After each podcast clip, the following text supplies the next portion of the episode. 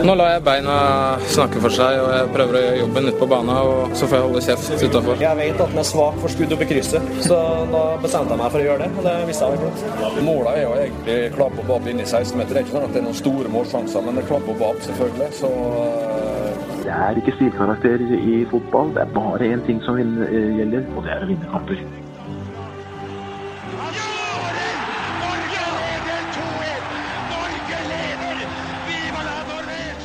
Og der er uh, toppfotball tilbake midt på sommeren. Uh, vi fant en luke midt i, uh, i ferien til å sette oss ned.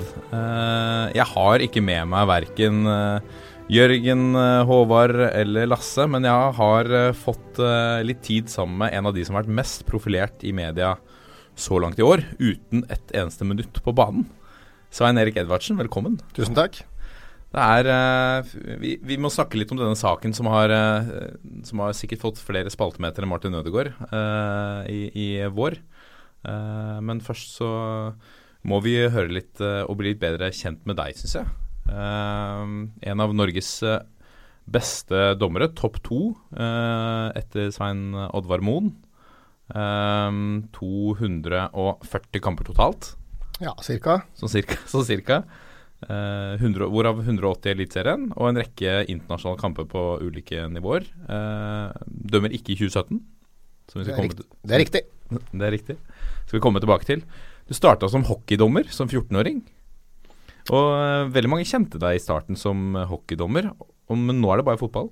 Ja, det var sånn at um, fotballaget på Storhamar i good old days, da vi var 14 år, fikk tilbud både om å være på være med på fotballdommerkurs og ishockeydommerkurs. Og hele 14-årslaget var med på begge.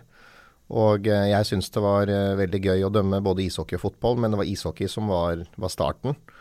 Og eh, etter hvert så dømte jeg også fotball, så jeg dømte begge idretter og kombinerte det helt frem til 2007, faktisk. Så jeg var toppdommer både i ishockey og i fotball på, på samme tid, i 2005 og 2006 og halve sju. Så hadde første kampen i Eliteserien i 2006? Uh, nei, jeg debuterte i uh, Tippeligaen i fotball 18.10.2004, oh, faktisk. Ja, ja, uh, og så var da 2005 mitt første år som rangert uh, tippeligadommer den gangen. Ja. Og etter det så har du, du har dømt deg jevnt og trutt de siste 10-11 årene? ja. Fra 2005 så har jeg vært tippeligadommer, og fra 2007 så var jeg Fifa-dommer. Og så mista jeg Fifa-merket igjen etter bare en par år. Og så fikk jeg det tilbake igjen i, i 2013. Når du mista Fifa-merket, var det fordi at, altså pga. prestasjoner, eller de følte at du hadde gått ned i Altså hatt dårligere prestasjoner? Ja, det var pga. prestasjoner. Og eh, jeg ble Fifa-dommer veldig ung, i 2007 som sagt. Og eh, bare etter to år i Eliteserien så ble jeg Fifa-dommer. Og eh, jeg hadde en veldig god sesong i 2007 og halve 2008.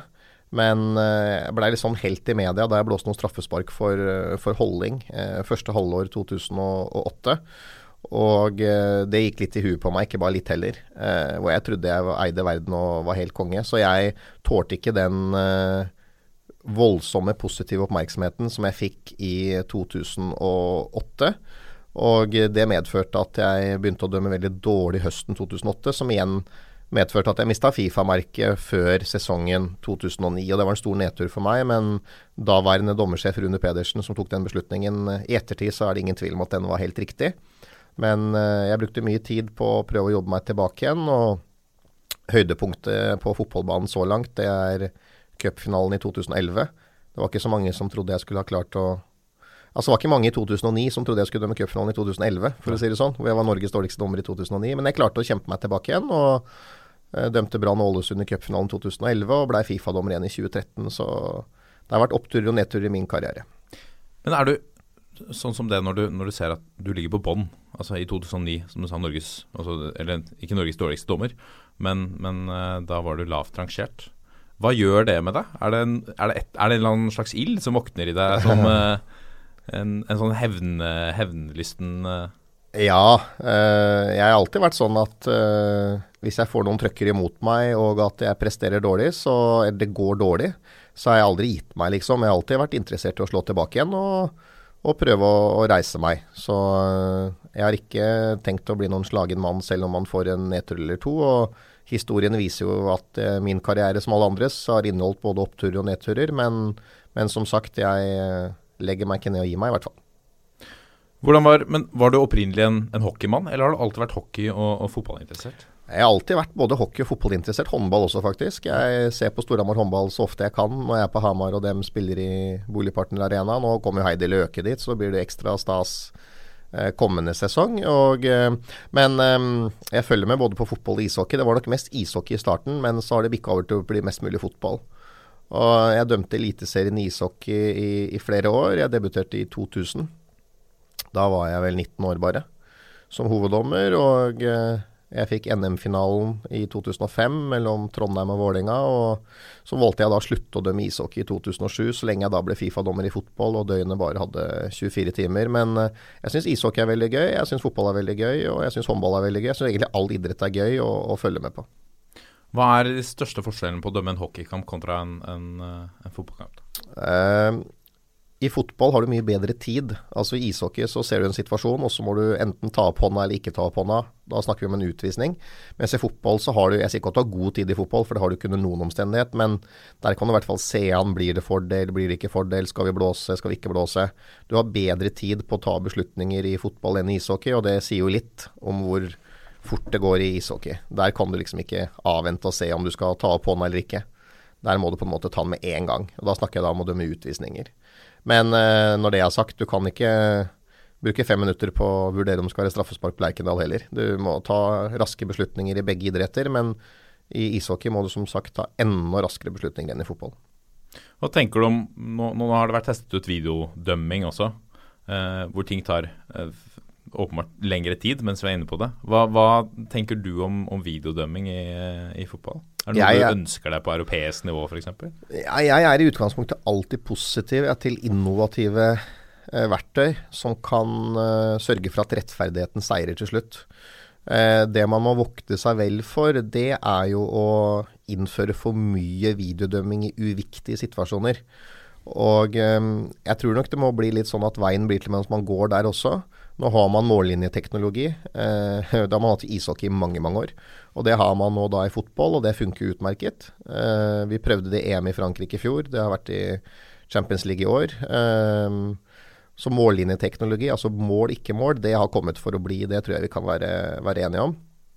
Når det gjelder det andre VAR-systemet som har blitt prøvd nå, både i, i sist nå da i Confederations Cup, så tror jeg også det er et veldig bra verktøy for framtida. Det tar nok litt tid. Eh, det er en innkjøringsperiode der også, derfor man prøver det nå i ulike typer mesterskap. Og eh, eh, nå veit ikke jeg om det blir eh, video assistance referee i VM i Russland neste år, men eh, la meg si det sånn, jeg blir overraska hvis det ikke blir.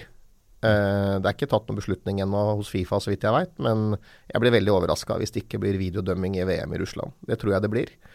Eh, så er jo utfordringen der eh, språk, naturligvis.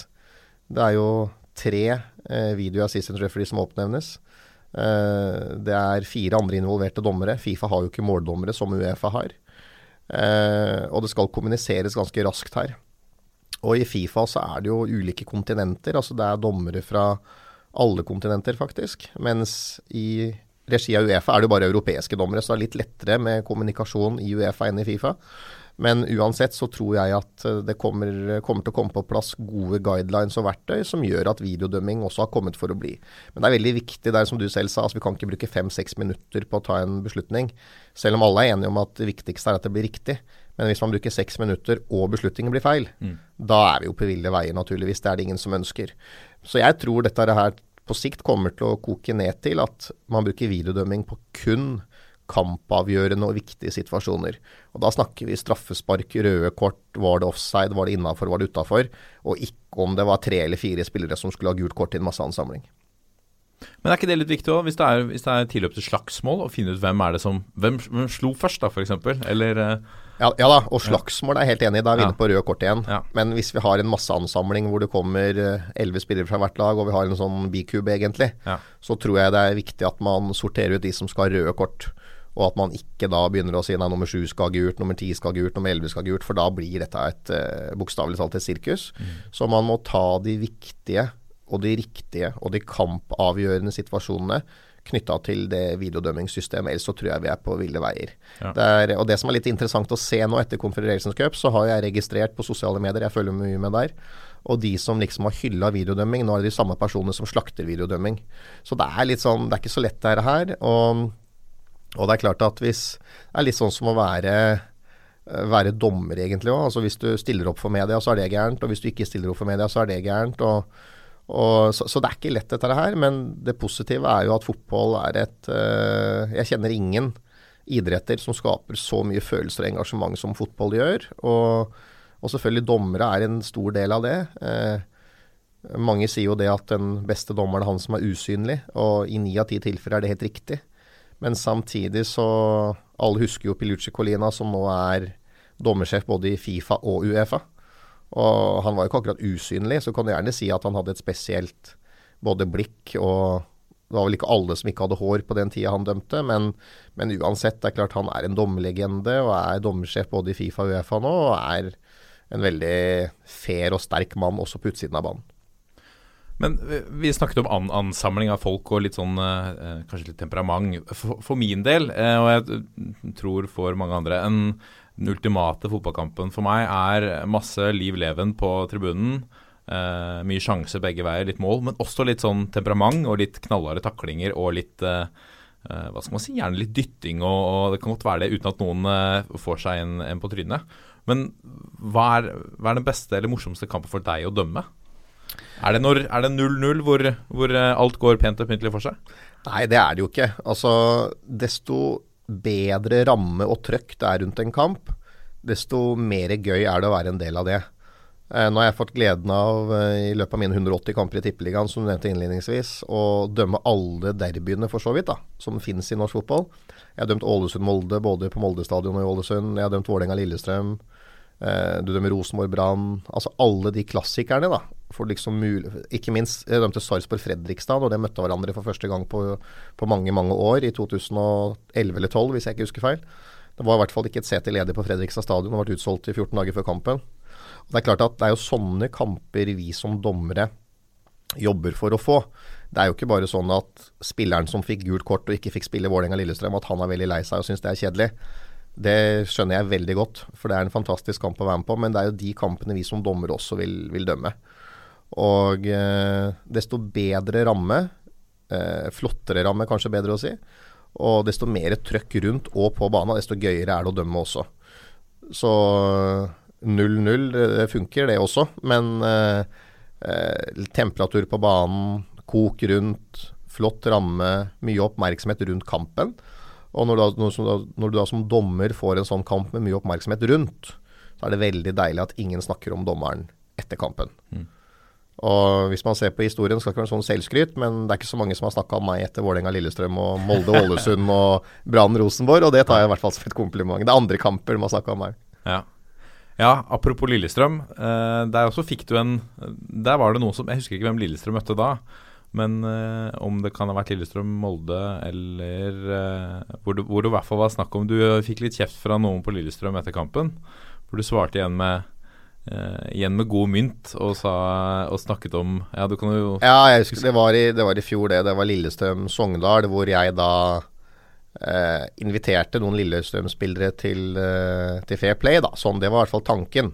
At vi var klare på at det var et straffespark og rødt kort, men vi var litt usikre på hvem av spillerne som skulle ha rødt. Mm. Og for å gjøre en lang historie kort, så viste vi ut feil mann, og erkjente for så vidt det i ettertid, selv om det var grunnlag for å gi begge rødt i den situasjonen, da. Mm. Men eh, vi tok ikke han eh, Altså han vi viste ut, det var hjemmel for å vise ut han vi viste ut, men det var en annen som gjorde en forseelse i forkant som vi ikke så, ja. som også kvalifiserte til rødt. Ja. Så var jo nødvendigvis ikke det på banen som var eh, mest fokus, det var mer det som skjedde i mixon etterpå. Mm. Hvor jeg da som dommer sa en del ting som jeg burde ha spart meg for, med, som jeg da beklaget i ettertid, naturligvis. Kan du gjennomfriske minnene våre til uh... Nei, jeg tror, vi, tror vi ikke skal bruke tid på å gjennomfriske de minnene. Men uh, jeg sa ting i Mixon der som ikke var bra, som jeg beklaget etterpå til Lillestrøm. Ja. Når du er på banen der, uh, jeg ser for meg at noen ganger så tar jeg med at nesten selv om et av mine favorittlag, uh, Vålerenga f.eks., leder, leder 3-0, og kampen er i ferd med å, å miste litt karakter. Den er i ferd med å ebbe ut. For deg som dommer òg, er det litt sånn at du nesten ønsker at eh, Kan ikke motstanderlaget putte et mål her, sånn at det kanskje blir litt mer liv i kampen? Nei, de, de Eller er du helt sånn uh, følelsesløs rundt det? Nei, jeg er helt følelsesløs rundt det. Og jeg sier ikke det fordi det er politisk korrekt, men, men det er helt fakta. Altså, jeg er helt følelsesløs. Jeg, som jeg sa, som vi sa også sa innledningsvis, jeg begynte å dømme fotball da jeg var 14 år, ishockey da jeg var 14 år. Jeg har liksom aldri hatt en sånn der følelse for en eller annen klubb. Nei. Verken nasjonalt eller internasjonalt. Men jeg skjønner hva du mener i forhold til liksom, er det 5-1? Kampen, liksom? Ja. Ja, altså jeg har jo dømt kamper hvor det er 5-1. Da håper du ikke det blir så mange hodeskader, så du må legge til ti minutter, liksom. Så ærlig må vi være å si. Men det er klart at jeg har jo også opplevd det at eh, det er et lag som leder 2-1, da. Eh, og det laget da som ligger under, der har jeg ofte fått mange synspunkter fra spillere at du må legge til i hvert fall fem minutter i dag, og minimum fire i hvert fall, kanskje fem, den drøye tida hele tida. Og så snur jo kampen. Så det laget da som har ligget under, leder jo plutselig av 3-2. Altså kampen har snudd fra 2-1 da til 3-2. Da kommer de samme spillerne og sier 'nå må du blåse av, nå må du blåse av', må du blåse av. Og så sier jeg 'men herregud, for ti minutter siden så sa du jo at du skulle legge til fem minutter', og nå skal jeg blåse av'. Hvorfor det? Så liksom det bare setter, understreker at uh, man har veldig fokusert og konsentrert i forhold til det man gjør sjøl. Og så er nok både spillere og dommere er nok inne i sin egen boble der.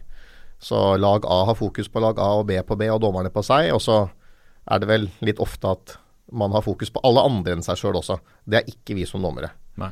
Eh, og jeg er ganske sikker på at uh, de lagene som har fokus på seg sjøl og det man får gjort noe med, kommer til å seire til slutt. Så henger det selvfølgelig med, henger naturligvis sammen med på hvilke gode spillere man har og hva man klarer å prestere. Det er ikke det jeg sier, men fokus på seg sjøl og det man får gjort noe med, er et veldig godt utgangspunkt både for dommere og spillere. Hvordan kommuniserer du med, med spillerne på banen? Er du, er, er, du, er du streng? Eh, det er, tror jeg er litt sånn som å være lærer. Altså Du må behandle alle likt, men individuelt. Og Det er en veldig sånn krevende øvelse. Altså Noen spillere kan jeg bare be ryke og reise. Kom dere vekk, liksom. Mens andre har andre behov. Så noen spillere liker at du tar igjen med samme mynt. Mens andre spillere blir sjokkert hvis du tar igjen med samme mynt. Så det er ikke så lett altså liksom, er Som dommer så kan du ikke si sånn. Ja, men, så har jeg sagt ja, men, hør hva du sier til meg, eller? Ja. det du sier til meg, er ti ganger verre når jeg tar igjen. Da er det plutselig krise. Da skal du fortelle det til Norge at jeg ba deg dra deg unna, liksom. Så mm, sjargongen er eh, til tider røff ute på banen også. Men de aller fleste spillerne i Eliteserien dem har litt glimt i øyet og syns nok det er litt kult å få en melding tilbake igjen, eller få kjeft tilbake igjen, enn å få et gult kort. Ja, for i, I England, hvis vi altså, Der er det heldigvis ikke mikrofoner på verken spillerne eller på dommerne. Det skal vi være glad for. Ja, Vi ser jo at det slenges ut fuck off uh, hele tida. Ja. Men uh, hvordan er terskelen for det i, blant norske dommere? Er det, er det innafor å slenge en, en melding til, eh, til en dommer og slippe unna med det? Eh, Jeg er ganske sikker på at det er mange eliteseriespillere som slenger melding til dommere og slipper unna med det. Det er jeg ganske sikker på. Eller det veit jeg. Men, men samtidig så er det nå engang sånn at spontane reaksjoner, mye følelser, mye engasjement, det tror jeg alle er tjent med at vi aksepterer. Men hvis det, begynner, hvis det er grov språkbruk, usportslig opptreden, altså da må vi finne frem korta uansett om det skulle være gult eller rødt. Fordi at altså uhøvisk atferd eh, som skader fotballens omdømme, altså det alle glemmer innimellom, og da sier jeg alle, for det gjør dem, når det koker som verst, eh, og det er helt naturlig at man glemmer det også, det er at man er forbilder. Altså Hvis man eh, ser på en kamp à la Lillestrøm, Vålerenga, Rosenborg, Brann, Molde og Ålesund, altså som det er mye oppmerksomhet rundt. Tenk deg alle barna som ser på kampen. Tenk deg alle små barn, spillere, ungdommer som sitter og ser på kampen, enten på TV eller live, og ser på sine forbilder spille fotball. Eh, det, det ansvaret må alle spillere og ledere og dommere alle være bevisst. Fordi at man ser på hva som skjer i toppfotballen, og så ønsker man å bli sånn sjøl. Og eh, i det lys så spontanitet, følelser, engasjement er helt ok. Men når du går over til eh, Når det bikker over til uhøvisk atferd og skader fotballens omdømme, da må vi som dommere ta grep. Apropos eh, hva skal man si, en, en eh, oppførsel som ikke hører eh, noe hjemme eh, i og rundt fotballen. Det var etter en, Eh, etter en startkamp for noen eh, år siden så ble du kalt eh, Tandori-dommer. eh, og ble bedt om å tørke krydderet ut av veia Ja. på Facebook fra en i, eh, en i eh, organisasjonen i Start. Ja. administrasjonen. Eh, som hockeydommer så ble du kalt og sunget på som Norges største kebab. Ja. Hva, hva tenker du om Går sånne ting innpå deg? Nei, altså Det der er ganske vanskelig for meg. Ikke fordi at det har gått inn for meg, men fordi at jeg har et veldig mye mer avslappa forhold til dette med hudfarge enn mange andre som har mørk hudfarge, har. Uh, og jeg kan med hånda på hjertet si at verken den situasjonen i Start eller i Fredrikstad i hockey-glansdagen har gått inn på meg i det hele tatt. Og Det tror jeg henger sammen med at uh, jeg har bodd i Norge hele mitt liv. Jeg er født i Oslo. Eh, jeg er 100 eh, Altså min mor er 100% norsk. Eh, faren min er, 50, er fra Canada. Så jeg er da 50-50, og foreldrene til faren min er fra Pakistan. Så det gjør at jeg er mørkere i den huden enn de andre dommerne i Eliteserien. Eh, og eh, det er klart at når det er en supportergjeng som synger Norges største kebab, så alle hører i Stjernehallen, eller når det er en markedssjef i Start som skriver dette på sosiale medier i etterkant, så blir jo dette fryktelig haussa opp eh, i media, og det er veldig bra. Fordi at det blir satt fokus på ting som er helt uakseptabelt. Selv om det ikke gikk inn på meg, så, så er det veldig viktig å sette sånne ting på agendaen, fordi at rasisme er å bli nulltoleranse. Både i norsk fotball og internasjonal fotball, og det er, det er alfa og omega. Altså Sånn kan vi ikke ha det. Og Jeg har selv vært med og dømt i Italia for tomme tribuner, hvor supporterne hadde kommet med noen rasistiske slengbemerkninger i kampen før, hvor det var tomme tribuner. Så at det er fullstendig nulltoleranse, og at det slås ned kraftig på rasisme, det er jeg veldig glad for. Fordi fotballen skal være en arena, og ishockeyen også for så vidt. Idretten skal være en arena for alle, uansett hudfarge, etnisk bakgrunn og kjønn. Og ikke minst også seksuell orientering. Altså Uansett så skal, skal idretten være en inkluderingsarena for alle. Og så møter man da altså Nå har jeg dømt 180 kamper i Eliteserien i fotball, og jeg har opplevd rasistiske bemerkninger én gang. Og vi kan, kan vi gjerne si at på den ene siden er det én gang for mye, for det er det jo selvfølgelig. Mens på den andre siden så er det da 179 kamper hvor ikke dette har vært tema. Så det understreker jo i hvert fall at fotballen er en veldig inkluderende arena for alle, uansett eh, hudfarge, etnisk bakgrunn, seksuell legning og, og eh, også funksjonsnedsettelse. Så at det er en eller annen idiot en gang iblant som dessverre mister huet, det, det skjer. Og det er, vi skulle ønske at det ikke skjedde, men heldigvis så er det ikke så mye av det. Nei. Bank i bordet. Ja. Um, det er andre ligaer og andre land som har slitt, eller slitt mer i de senere, senere årene med det. Um, men det er jo et eksempel på en litt sånn dårlig opplevelse. Hva, hva er, hva er dine, dine beste og dine dårligste opplevelser som uh, kan begynne med det beste da, på, på, på banen som dommer. Ja, nei det er eh, veldig, veldig mange. Men hvis jeg skal trekke fram de to morsomste opplevelsene jeg har hatt som fotballdommer i Norge, da, så er det selvfølgelig nummer én cupfinalen i 2011 mellom Brann og Ålesund. Eh, Hvor ingen huska dommeren etterpå. Det var jeg veldig glad for. Det er liksom feil kamp å drite seg ut, for det henger liksom ved deg eh, nesten for all, all fremtid. Um, og det andre er eh, Sarpsborg mot Fredrikstad. Eller det ble Fredrikstad mot Sarpsborg på Fredrikstad stadion i 2011 eller 2012, husker ikke årstallet.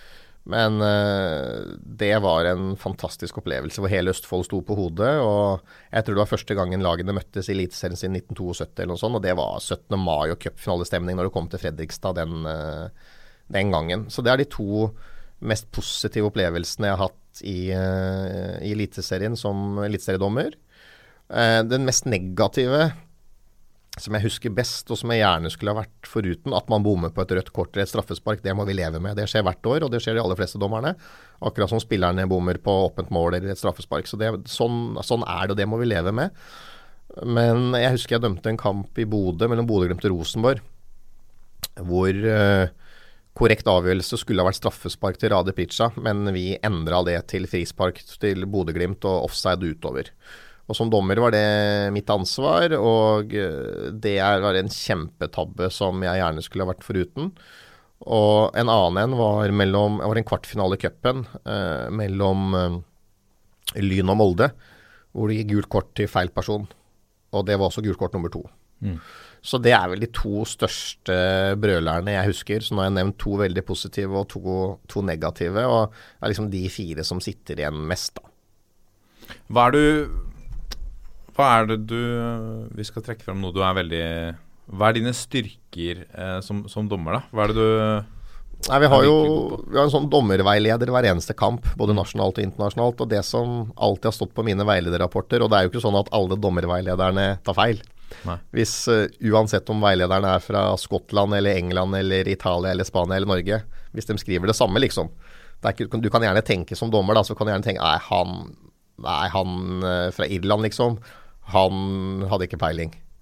Men stort sett så har alle de dommerveilederne peiling, uansett eh, nasjon. Og det som alltid har blitt trukket frem som mine styrker, er kamplederegenskapene. At jeg har gode lederegenskaper. At jeg er god på kommunikasjon og konflikthåndtering. Og at jeg er veldig uredd og overhodet ikke konfliktsky. Altså, jeg er ikke redd for å gi gult kort nummer to, selv om det er til hjemmelaget. Eh, Jeg er ikke redd for å blåse straffespark for holdning, selv om det er mot hjemmelaget. Så de punktene der har alltid blitt trukket frem som mine styrker. Når det gjelder den andre sida, så selv om jeg løper på mølla og trener så godt jeg kan og er i god fysisk form, så har jeg ikke akkurat samme løpesett som Usain Bolt. Eh, det har jeg jo ikke, det har du sikkert sett. Eh, Men eh, jeg er alltid oppe i situasjonen og står kanskje for nær noen ganger også, så jeg er i god fysisk form og er flink til å løpe. Men løpesettet, det er ikke like elegant som uh, Usain Bolt sitt.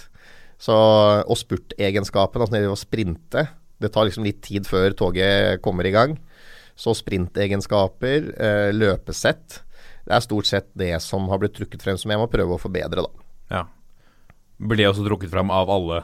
Ja, ja stort Uansett. sett alle. Ja, ikke uansett, altså. Dårlig løpesett? Ja, tungt løpesett, Ja, okay. blir sagt da. Ikke dårlig løpesett, men altså det som blir sagt, er god, veldig god fysisk form. Mm. Alltid til stede der det skjer, men eh, kan forbedre sprintegenskapene og løpesettet. Det er stort sett det som eh, har stått eh, overalt.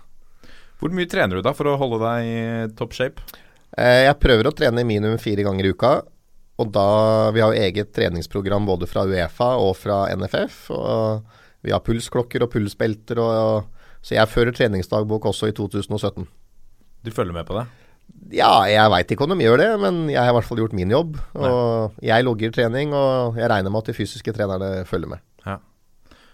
Men du, du trener fire ganger i uka. Ehm, du har en sivil jobb i, i Fotballforbundet ved siden av. Ja. Eh, hvordan funker det å, å kombinere med uh, Vi skal nærmere inn på de tingene der etterpå, men, men å kombinere en sivil jobb med, med å være eh, toppdommer? Nei, det er klart at nå har jeg vært veldig privilegert fordi alle mine arbeidsgivere eh, siden jeg begynte å dømme fotball eh, Og for liste opp, så det begynte i Norges ishockeyforbund. Jeg jobba der i mange år. Og så var jeg daglig leder i norsk topphockey. Og så var jeg salgssjef i Manpower. Og så var jeg eh, eh, daglig leder både i Storhamar hockey og Lørenskog hockey. To sånne ryddejobber, egentlig. Før jeg da fikk eh, muligheten for å jobbe med fotball på heltid, som jeg alltid har hatt lyst til.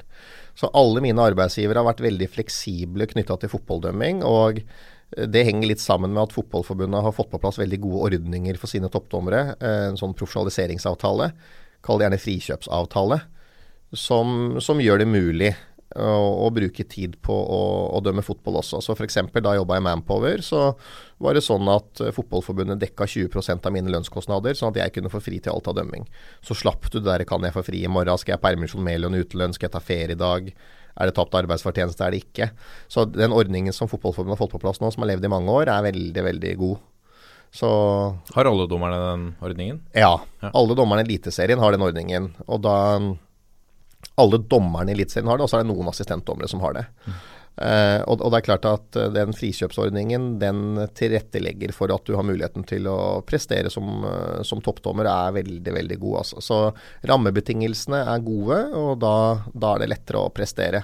Men i forhold til min siviljobb i Fotballforbundet, så er jeg veldig glad for at jeg fikk den muligheten. Jeg starta å jobbe i fotballkretsen, og så var det en utlyst engasjementsstilling internt som jeg søkte på og fikk. og Daværende generalsekretær Kjetil Siem ga meg muligheten til det. og etter hvert så ble det lyst ut en seksjonslederstilling, eh, for det var en omorganisering hvor det ble etablert en egen seksjon for samfunnsansvar.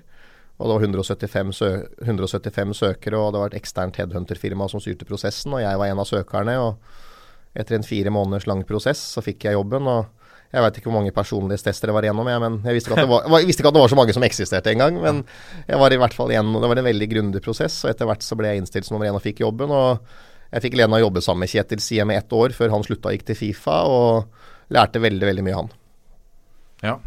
Hva tenker du om, om, eh, om den hva skal man si, den avskjeden Kjetil Siem fikk uh, uh, av media? Og, og, det var en del styr rundt da Kjetil Siem forsvant? Ja, den, Det syns jeg var rett og slett uverdig. Altså Jeg fikk bare gleden av å jobbe med Kjetil i, i ett år, men måten han eh, fremsto som leder på det året jeg var der, i hvert fall. Det var helt, helt fantastisk. Og han hadde mange prosjekter. Det er en større TV-avtale som er signert nå enn noen gang. Um, det er en helt ny merkevare. Alle fotballkretsene er under samme brand. Det er et nytt krest på landslaget. Økonomien er bedre enn noen gang. Altså, jeg syns Kjetil Siem har fått altfor mye ufortjent pepper i media.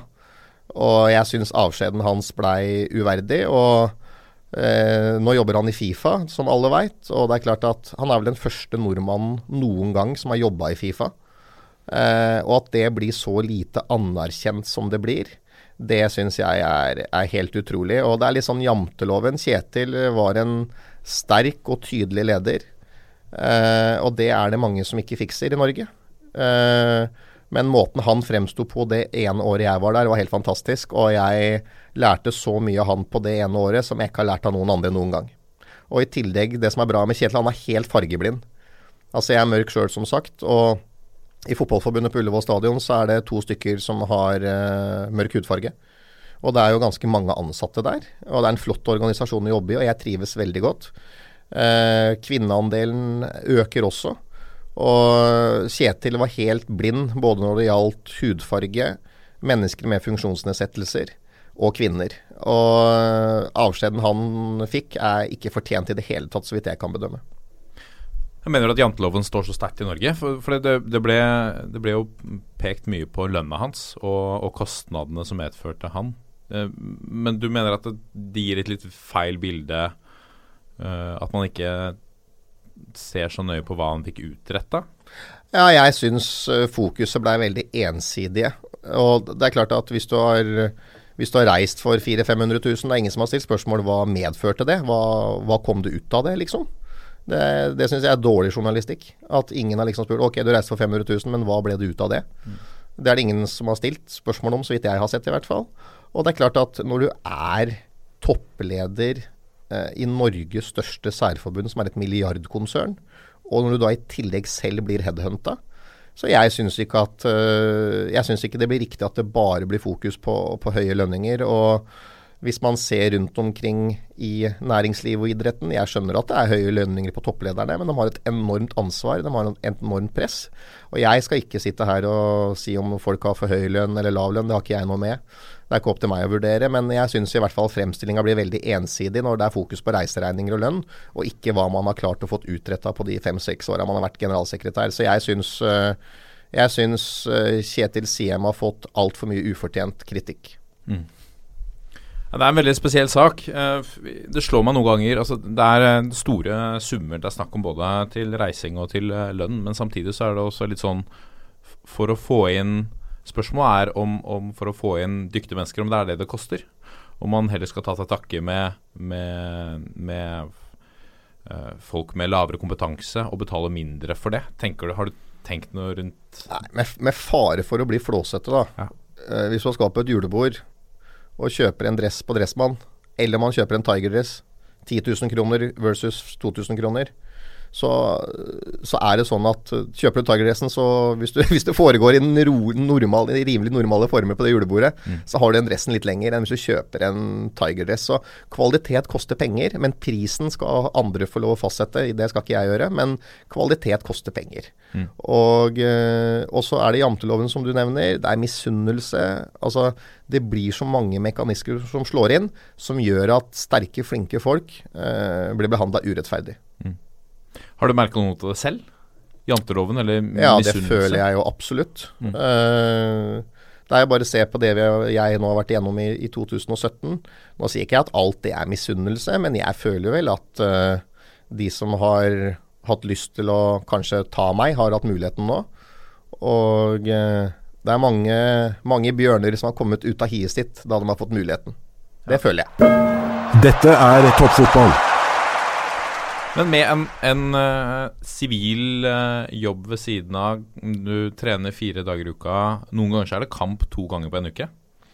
Ja, det er, Europa og eller? ja, uh, det er stort sett én kamp, en kamp i uka.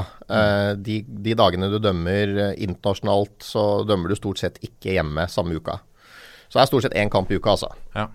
Men hvordan forberede deg til, til match? Eh, da går vi gjennom lagene vi skal dømme. Eh, I Norge så er det litt enklere etter hvert som vi kommer i gang. I hvert fall det er alltid spesielt i starten, for det er nye spillere, nye formasjoner, kanskje nye trenere, nye spillesystemer. Eh, så vi forbereder oss godt til hver eneste kamp i Eliteserien, men, men, det er klart at i Eliteserien så møter vi ofte de samme lagene flere ganger i løpet av en sesong. Så forberedelsen er viktig uansett, men spesielt i starten av sesongen er det ekstremt viktig å være forberedt på spillesystem, nye spillere Kanskje spillere med høye skuldre. Kanskje noen som har uh, fått masse omtale i forkant, at i år blir han tippeligaens profil. Og så Ja, det er viktig å ha fokus på alle ting. Han faller lett i feltet, han faller ikke lett i feltet. Han er en tøff hodes, hodeduellspiller. Det laget slår mye dødballer. Uh, det laget stiller opp sånn på cornere, osv. Når det gjelder etter hvert som vi kommer ut i sesongen, så har vi jo videoklipp å se på i forkant. F.eks. For corneroppstilling. Det er ikke sikkert samme laget stiller opp annerledes på corner i den kampen jeg skal dømme til man gjorde kampen før.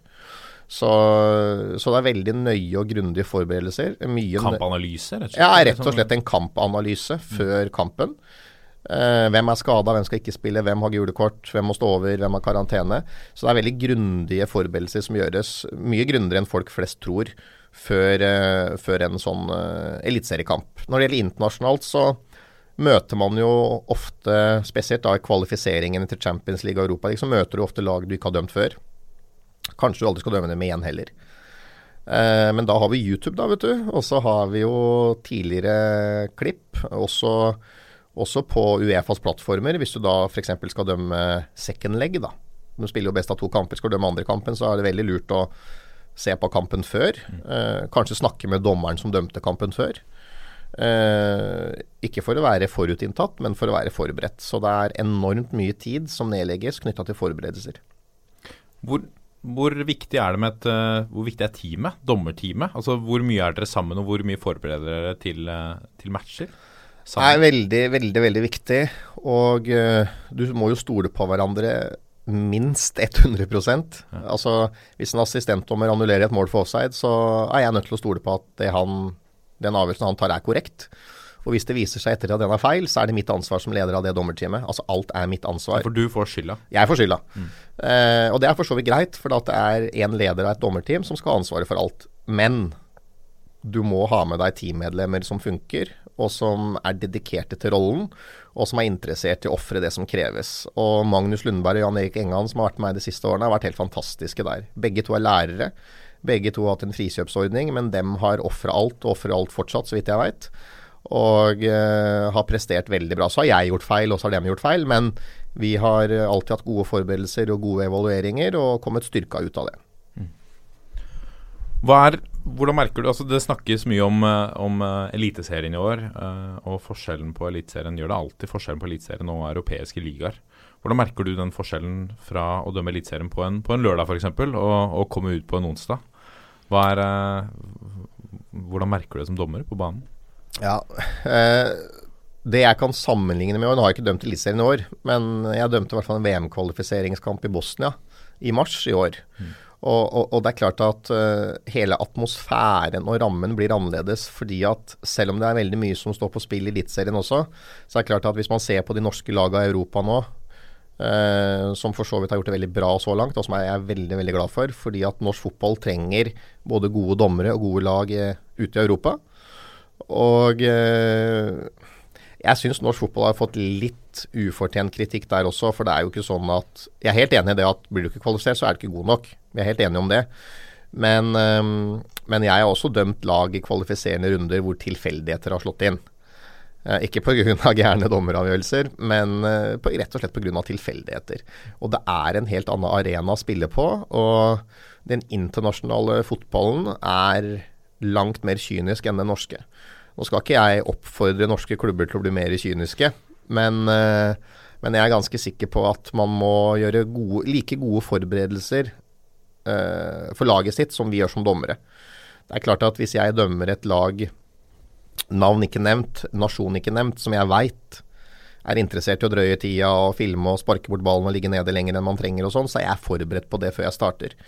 Og jeg, men eh, slik analysesystemene er i 2017, hvor det er tilgang til alt av tidligere bilder, så jeg er helt sikker på at Rosenborg og Brann og de andre lagene nå som spiller internasjonalt, selvfølgelig gjør grundige forberedelser, akkurat som vi som dommere gjør.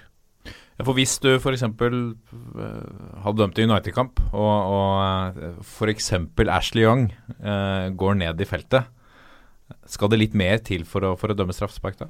Jeg tror ikke jeg skal gå inn på enkelte klubber og spillere, men det jeg i hvert fall kan si, da, både nasjonalt og internasjonalt, er at vi er veldig godt forberedt, men vi er ikke forutinntatt. Uansett hvilket lag jeg dømmer i Eliteserien, eller internasjonalt, så veit jeg hvilke spillere som har litt fallesyken, og jeg veit hvem som ikke har det. Og, så, og, igjen, man skal ikke være forberedt, men man skal være forutinntatt.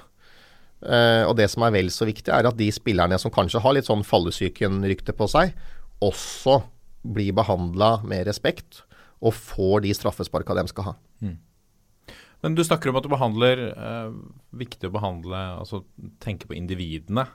Eh, har du også litt større takhøyde for de eh, spillerne du tenker eller du vet er eh, har enda større temperament? Altså noen som eh, Ta f.eks. En, nok en engelsk referanse, men en Roy Keane-type hadde hatt høyere takhøyde for han enn en, en, uh, som ikke skriker så høyt, men plutselig hadde rast fra seg?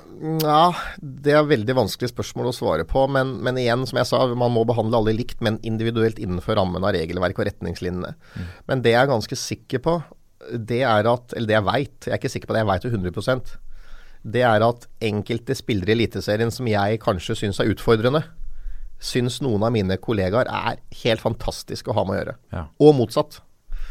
Altså Hvis jeg sier til en av mine kollegaer han og han og han, den var helt fantastisk å kommunisere med, så holder de på å besvime. Ja.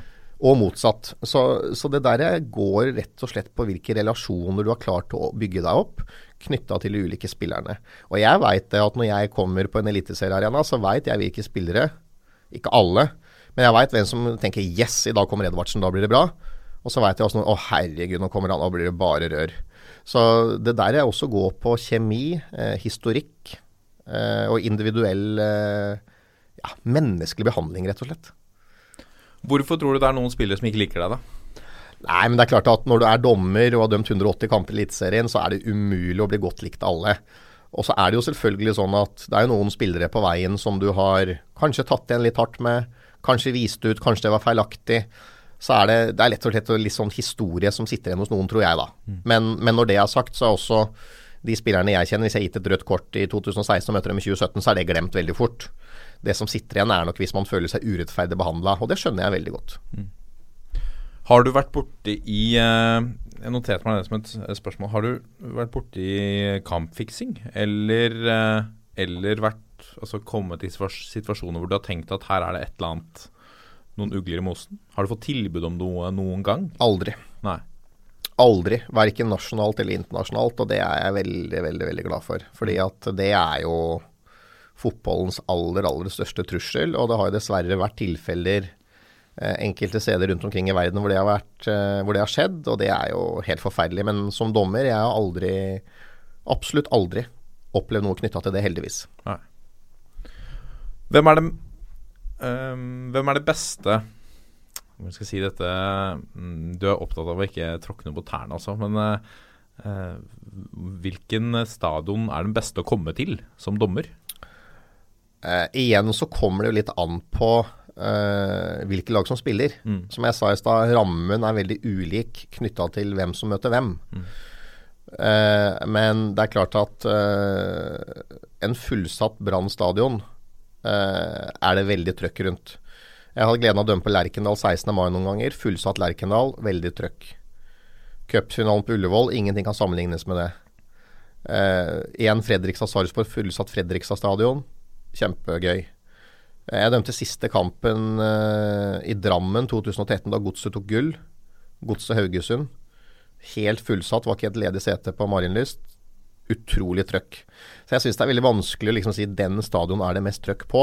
For det er veldig avhengig av kampens karakter og kampens type. Men de stadionene jeg nevnte nå, og ikke minst da Åråsen også, Lillestrøm-Vålerenga fullsatt. Altså det er et unnskyld uttrykket, et jævlig trøkk og en jævlig ramme. Og det er sånne kamper og arenaer man jobber for å være på hele tiden. Men du nevnte Før vi, før vi gikk inn i studio, så uh, nevnte du også Fosshaugane campus og, so og Sogndal. Ja, det gjorde jeg fordi at uh, der er det alltid så hyggelig og koselig å komme til. Og, uh, og det er liksom en sånn derre jeg får en sånn egen følelse når jeg kommer til Fosshaugane, fordi at det er lerumsaft i dommergarderoben, det er vafler, det er jordbær. Jeg har bodd på Hamar i mange år, det tar lang tid å kjøre dit. Jeg pleier ikke å ta fly dit. Hvor lang tid tar det å kjøre dit? Nei, fire-fem timer. Men du flyr ikke? Nei, jeg har gjort det en par ganger, men da går det ofte tre dager. For det er liksom Widerøe fra Gardermoen. Og altså, Vi har blitt enige om å kjøre bil. Men vi kjører ikke tur etter samme dagen som vi dømmer. Det er ikke sånn at vi kjører fem timer og dømmer og fem timer hjem igjen. Vi tar alltid en overnatting. Mm. Og den pleier jeg å ta før kampen, sånn at det er best mulig forberedt. Så jeg pleier å reise opp dagen før. Våkner jeg og spiser god frokost og slapper av litt. Og så forbereder vi oss, og så dømmer vi, og så reiser vi hjem. Men uh, lerumsaft uh, i dommergarderoben på Føssorganet og vafler og sånn, det, og sveler i Ålesund, og ikke minst på Hødvoll Jeg fikk gleden av å dømme Hødd og Brann i semifinalen det året Hødd gikk til finalen, og vant finalen i 2012. Og det er klart at å komme til Hødvoll, da gode gamle Hødvoll, hvor det var utsolgt flere uker i forkant, alle hadde blå regndress, uh, og Hødd vant til slutt også. Og gikk jo da til cupfinalen, som sagt, og det var uh, utrolig gøy. Altså. Så jeg har hatt mange positive opplevelser som, uh, som fotballdommer. Kjører dere samme bil, da? Dommerteamet? Når dere kjører på Ja, Det kommer litt an på hvor vi er geografisk lokalisert. Mm. Sånn som Magnus Lundberg, da, som har vært min faste assistentdommer i mange mange år. Han bor i Moelven, og da har vi alltid stort sett kjørt sammen når vi skal dømme på Østlandet. Så, også til Gardermoen, da, for han kjører jo fra Moelven og plukker opp meg på Hamar. Eller han parkerer sin bil og vi kjører min. Men men ja, det er samkjøring så langt det lar seg gjøre, sånn at reisekostnadene holdes nede. ja, det er viktig. Ja. Uh, så du er, du, er, du er, trygg på at et innsyn i dine reisekostnader, det, det, skal gå fint? Det ønsker jeg hjertelig velkommen. Jeg har alltid vært for åpenhet, og jeg har tatt uh, staten satser ganger med antall kilometer. Så jeg har i hvert fall ingen reiseregninger å frykte, så innsyn ønskes velkommen. Ja, det er veldig bra. Uh, vi må jeg, må, jeg, må, stille deg et spørsmål som vi stiller til alle gjestene vi har her, eh, Svein Erik. Uh, du, jeg, har bedt deg om å sette opp din fire norske fotballstjerners middag. Ja. Hvor du skal invitere, invitere tre, tre, gjester. Alt fra dommere, spillere, trenere, journalister, for den saks skyld. Ja. Hvem ville det vært, og hvorfor? Eh, da må vi begynne med Rune Pedersen, som har vært eh, dommersjef i Fotballforbundet i mange mange år. Uten han hadde jeg aldri vært der jeg er eh, når det gjelder min dommerkarriere. Han har også vært mentor for meg i alle, alle år, siden 2003. Og måten han har backa meg på i alle de årene, det er helt uvurderlig. Og som jeg sa i stad, han vraka meg som Fifa-dommer i 2009. Nei, unnskyld, før 2009. Og det var en helt riktig beslutning. Det var veldig tøft for meg da det skjedde, og jeg var helt uenig med han da. Men i ettertid så viste det seg at det var helt riktig. Og Rune er en uh, mann med stor integritet og troverdighet. Det veit jeg hele Fotball-Norge er enig om. Uh, alle som jeg snakker med sier det i hvert fall til meg, og jeg har opplevd det sjøl mange ganger. Og Rune var 100% fair. Altså dømte du dårlig, så fikk du få kamper, og ikke de derbyene vi har snakka mye om. Dømte du bra, så fikk du mange kamper og flere av de derbyene. Så han er en rettferdighetens mann. Han la alltid prestasjoner til grunn, og har betydd utrolig mye for min eh, dommerkarriere. Og så har jeg sagt det til ham på fleip at det beste dommeroppsettet alle de åra han var dommersjef, det var en sommer hvor Bente, kona hans, hadde ansvaret. Det må ha vært det beste dommeroppsettet. Så Bente Pedersen er den eneste som er bedre enn Rune Pedersen til å sette opp dommeroppsett. Så Rune Pedersen inviterer jeg til middag. Ja, og så har du to til? Så har vi to til. Den andre, det blir Kjetil Rekdal. Han eh, Det er ingen trenere som har slakta meg så mye som han har gjort. Og det er ingen trenere som har hylla meg så mye som han har gjort. Så han også er en sånn ærlighetens mann, og jeg syns han eh, jeg har dømt han både han var trener for Vålerenga og Ålesund, og som sagt, ingen har slakta meg så mye, ingen har hylla meg så mye, og han syns jeg er eh, Han sier som det er, og han sier det til den det gjelder. Det har jeg stor sans for. Å snakke til og ikke om. Så sier han gjerne til media og alle andre etterpå, men jeg visste La meg si det sånn, jeg visste før jeg gikk ut i Mixon om Kjetil Rekdal slakta meg eller ikke. eh, så han er ærlig og rett fram, og han inviterer jeg også til middag. Det tror jeg blir kult. Liker du å snakke med journalister etter kampen? Jeg snakker alltid med journalister etter kampen hvis de vil snakke med meg. Ja. Jeg oppsøker ingen, Nei. men jeg, jeg stikker bakveien én gang. Det var på Viking stadion i 2008. Det kommer jeg aldri til å gjøre igjen.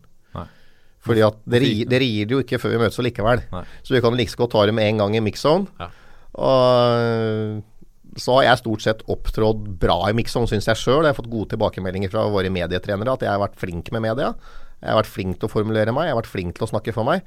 Lite unntak i fjor, som vi allerede har snakka om, hvor jeg gikk litt for langt. Men ikke bare litt heller. Men, men øh, jeg har ikke noe trøbbel med å snakke med journalister, og jeg trives i rampelyset. Jeg har aldri lagt skjul på det. Litt verre for Heidi, som jeg er forlova med, som er ei beskjeden jente fra Finstrud og helst uh, ikke vil ha noe med media å gjøre. Men uh, som jeg sa til deg, da har jeg blitt sammen med feil person. Og det snakka vi om for fire år siden. Men, uh, men jeg syns det er morsomt. Jeg trives i rampelyset. Jeg legger ikke skjul på det. Og jeg blir beskyldt for å være PR-kåt av mange. Og mange av dem er misunnelige og skulle ønske de hadde vært i mine sko sjøl. Ja. Det veit jeg. Ja. Men, men ja, vi må ha en tredje gjest også. Vi må ha en tredje gjest, og da har vi Rune Pedersen og Kjetil Rekdal. Og da tar vi Pamo Duka. Ja, fantastisk. Pamo Duka. Jeg fikk gleden av å dømme han én gang, og han har kommet med den beste meldinga ever jeg har opplevd på 180 kamper. Eh, Tobias Gran spilte også på Vålerenga. Dette var før jeg var eliteseriedommer. Men jeg fikk gleden av å dømme Vålerenga et par ganger for det. Og han Tobias Gran han var vanskelig å ha med å gjøre mange ganger. Og jeg prøvde å, Da var jeg veldig ung som dommer sjøl. 3-24 år bare. Det var ikke så lett for unge Edvardsen å håndtere Tobias Gran da. Eh, Rekdal var spillende trener. Men jeg tok i hvert fall tak i han og ga han et tilsnakk. da, og ja, Det var vel et mildt sagt klart og tydelig tilsnakk, det jeg sa til han Tobias Gran. Og Da kommer han Pamodo Ka ved siden av, og så sier han det til meg at Ikke vær så sint da, dommer, vi har samme farge, vi da. Eh, og det glemmer jeg aldri, altså. Og det, jeg lo så jeg grein, og han lo så han grein, og alle grein resten av, lo som de grein resten av kampen, nesten. Og Tobias Grano gikk bare og smilte resten. Ja. Så, det, så den meldinga fra Pavel gav, han sa 'ikke vær så sint da, dommer, for vi har samme farge, du og jeg', da tenkte jeg at snakker om å treffe spikeren på huet, og alle lo resten av kampen. Så den meldinga redda hele situasjonen med Tobias Gran og kampen og alt. Ja. Så min middag blir Rune Pedersen, Kjetil Rekdal og Pamo Duka. Hva serverer du, da? Disse karene? Taco. Taco, ja? Ja. God gammel sånn fredagstaco? God gammeldags fredagstaco. Altså Jeg er god på taco og god på grille, og så er det egentlig stopp der, altså. Hva, hva, hva velger du å servere som drikke ved siden av? Nei, det er egentlig valgfritt. Der har jeg alltid Nå bor jeg på Kongsvinger, som sagt, så det er ikke så kort eh, Det er ikke, det er ikke så lang vei til Sverige. Det er ganske kort vei. Ja. Så da blir det litt sånn at um, enten så Altså, man får det man vil. Det er øl, det er vin, det er brus, det er vann. Her, Det er opp til hver enkelt. Ja. Men alle må ta en tyrkershots før de går hjem. Dette er toppfotball. Og så, Svein Erik. Eh, 2017. Dette året har jo vært litt eh, spesielt. Eh, hvordan har dette året vært eh, for deg? Nei, jeg må jo eh, si at det har vært eh, mildt sagt et ekstraordinært år. Men det begynte meget, meget bra. Jeg ble far for første gang eh, 20.1. Til ei lita jente, jente. Amanda kom til verden 20.1. Det Jeg må si det at eh, alle liksom har sagt at det er det største opplevelsen er å få barn. Og jeg har aldri hatt barn før, så det var mitt første. Og jeg må bare si at alle som har sagt det, har helt rett. Altså Da jeg sto inne på sjukestua på Kongsvinger sjukehus med disse her grønne treskoa og grønn munnbind og hette og frakt, da var du ikke særlig høy i hatten, altså. Så hadde Heidi ble kjørt inn der, og jeg skulle inn eh, ti minutter etterpå etter at hun hadde fått bedøvelse, og jeg sto ute der med tre sånne damer fra sjukehuset der. Jeg sa ingenting og var sannsynligvis likblek også. Og så sier hun jordmora som hadde vært der i 20 år, det skjønte jeg etter hvert. Så sa jo hun at eh, ja, du virker litt beskjeden du, Edvardsen, sa. Da tenkte jeg det er, må jeg innrømme at det er første gangen jeg har, uh, har hørt. Ja. Eh, men den meldinga var på en måte med på å løsne det. Fordi vi hadde, selv om vi bodde på Kongsving, hadde vi bedt om et sånt familierom. Og så sier hun dama at eh, ja, etter å ha kjørt den beskjedne meldinga, som for så vidt brøt hele isen der, så, eh, så sa de at jeg var litt sånn trøbbel med, med familierom, fordi at det var så mye fødsler. Hun kunne ikke forstå, hadde jobba der i 15 år, kunne ikke forstå at det var så mye fødsler akkurat nå, liksom. I januar. Og da sa jeg det kan jeg forklare, for Edvardsen har alltid pølsefest for ni måneder siden. Så det er sannsynligvis årsaken til at uh, det virkelig er sprengt på fødestua. Nei da. Men, uh, men, poenget var at de meldingene var med brøt isen. Og da jeg gikk inn på fødestua, og da Amanda kom ut, da må jeg bare si at det var et veldig, veldig stort øyeblikk. Ja. Og det skjedde uh, samtidig som alle mine dommerkollegaer var på La Manga og hadde eliteseriedommersamling. så for første gang på ja, nå var det 15 år, så har ikke jeg vært på La Manga før. Og kanskje der Eh, feilen egentlig starta. Jeg veit ikke, men det var overhodet ikke feil at jeg var på fødestua istedenfor La Manga, bare så det er sagt. Det var 100% avklart med Terje Hauge, og alle var enige om at uh, fødestua prioriterer vi istedenfor La Manga. Mm. Så det tas sånne hensyn i dommermiljøet. Så det var veldig Det er ikke så spennende på La Manga? Sånn Nei, å løpe tester og treningssamling med alle dommerne der, det er fantastisk hvert år, det altså. Ja. Men når alternativet er å være med på fødsel til din egen første datter, så var valget veldig enkelt. Mm. Det ble fødestua. Eh, så januar var en veldig, veldig, veldig fin måned. Eh, for så vidt februar også. Eh, men det er klart at når jeg og Terje da hadde en uenighet knytta til flere ting, og det medførte både det ene og det andre, at ikke minst at konflikten eskalerte, og at det havna i media. Det skulle vi jo gjerne vært foruten alle sammen. Fordi ingen av oss, eh, det tror jeg det er i hvert fall jeg snakka med Terje om, at ingen av oss var nok klar over hvor eksponert dette skulle bli, og hvordan det eskalerte. Mm. Det, var, eh, det, var, ikke bra. Og når da det først skjedde, så var jo det en føljetong som pågikk i over en måned, egentlig. Og som uh, var veldig skadelig for alle sammen. Og det endte jo da med at uh, det ble inngått et forlik, fordi at jeg har jo en jeg hadde jo, eller har, en toppdommerkontrakt for 2017. Og det, I en sånn type kontrakt så er det jo begge parters forpliktelser er lista opp. Eh, mine forpliktelser som dommer og eh, Norges Fotballforbund som oppdragsgiver. Slash arbeidsgiver. Og, og, det er klart at eh, det er jo ikke sånn at man bare kan kaste den i søpla. Så for en lang historie kort så blei vi enige i mai om at eh, vi skulle avslutte min toppdommerkontrakt for 2017. Og Der, en, eh, der har dere gjort en avtale. Uh, står det en sak i, i, Nettavisen i dag om, uh, om, at NFF ikke vil gi innsyn i den avtalen. Hva, vi, vi, har vært inne på tidligere sammenhenger med, med Inge Andersen og, og, og, og, sånne ting med, med snakk om innsyn. min første tanke var dette er snakk om en personalsak, så her går man ikke inn og, blander seg inn. Men men uh, det er litt spesielt med en, en, dommeravtale. Hvorfor vil ikke NFF uh, gi et innsyn her til Nettavisen? Nei, Det, det veit ikke jeg, det kjenner jeg ikke til. Eneste er at Nettavisen kontakta både Jon Christian Elden og, og, meg, altså min advokat i sakens anledning, mm. og spurte om vi hadde noen motforestillinger mot at NFF ga Nettavisen avtalen. Mm. Det svarte Jon Christian nei. Det har ikke vi. Eh, men det er klart, i en sånn type avtale så er det en konfidensialitetspassus også. Men eh, Jon Christian, jeg rådførte meg med han, og det er han som har håndtert den saken på mine vegne. Og han har i hvert fall svart at hvis Fotballforbundet vil gi avtalen til Nettavisen, så er det greit for oss. Men at Fotballforbundet da ikke ønsker å gjøre det, det må, må dem svare for. Det kan, ikke, det kan ikke vi ha noe med å gjøre. Men Kunne, dere, kunne du gitt de avtalen med, med tillatelse fra NFF? Ja, altså hvem som gir dem avtalen, det spiller for så vidt ingen rolle. Men, men igjen, da. Eh, det er jo NFF som eh, Dette er en avtale mellom to parter. Det er mellom meg og NFF knytta til min toppdommerkontrakt i 2017. Og vi har sagt OK til Nettavisen eh, hvis, eh, gi, hvis, NFF ønsker å gi dem avtalen. Vi kan ikke gi Nettavisen avtalen fordi jeg er bundet av en klausul knytta til konfidensialitet i avtalen. Mm. Så vi kan ikke bryte våre taushetsplikter, men vi har sagt at hvis NFF vil gi den til Nettavisen, så er det OK for oss. Ja. Er det mm. Hvordan skiller dette seg? Det er en, det er en dommeravtale. Altså, så dette er ikke et vanlig ansattforhold på den måten? Nei, det er det jo litt sånn eh, Det er jo egentlig to avtaler du har som dommer. Det ene er en toppdommerkontrakt, og det andre er en profesjonaliseringsavtale. Mm. Så hva slags Nå er ikke jeg advokat, så jeg er faktisk ikke sikker på hva, som, hva man egentlig er. Men eh, at man har at det er i hvert fall årlige kontrakter, mm. det, det, er det ikke tvil om.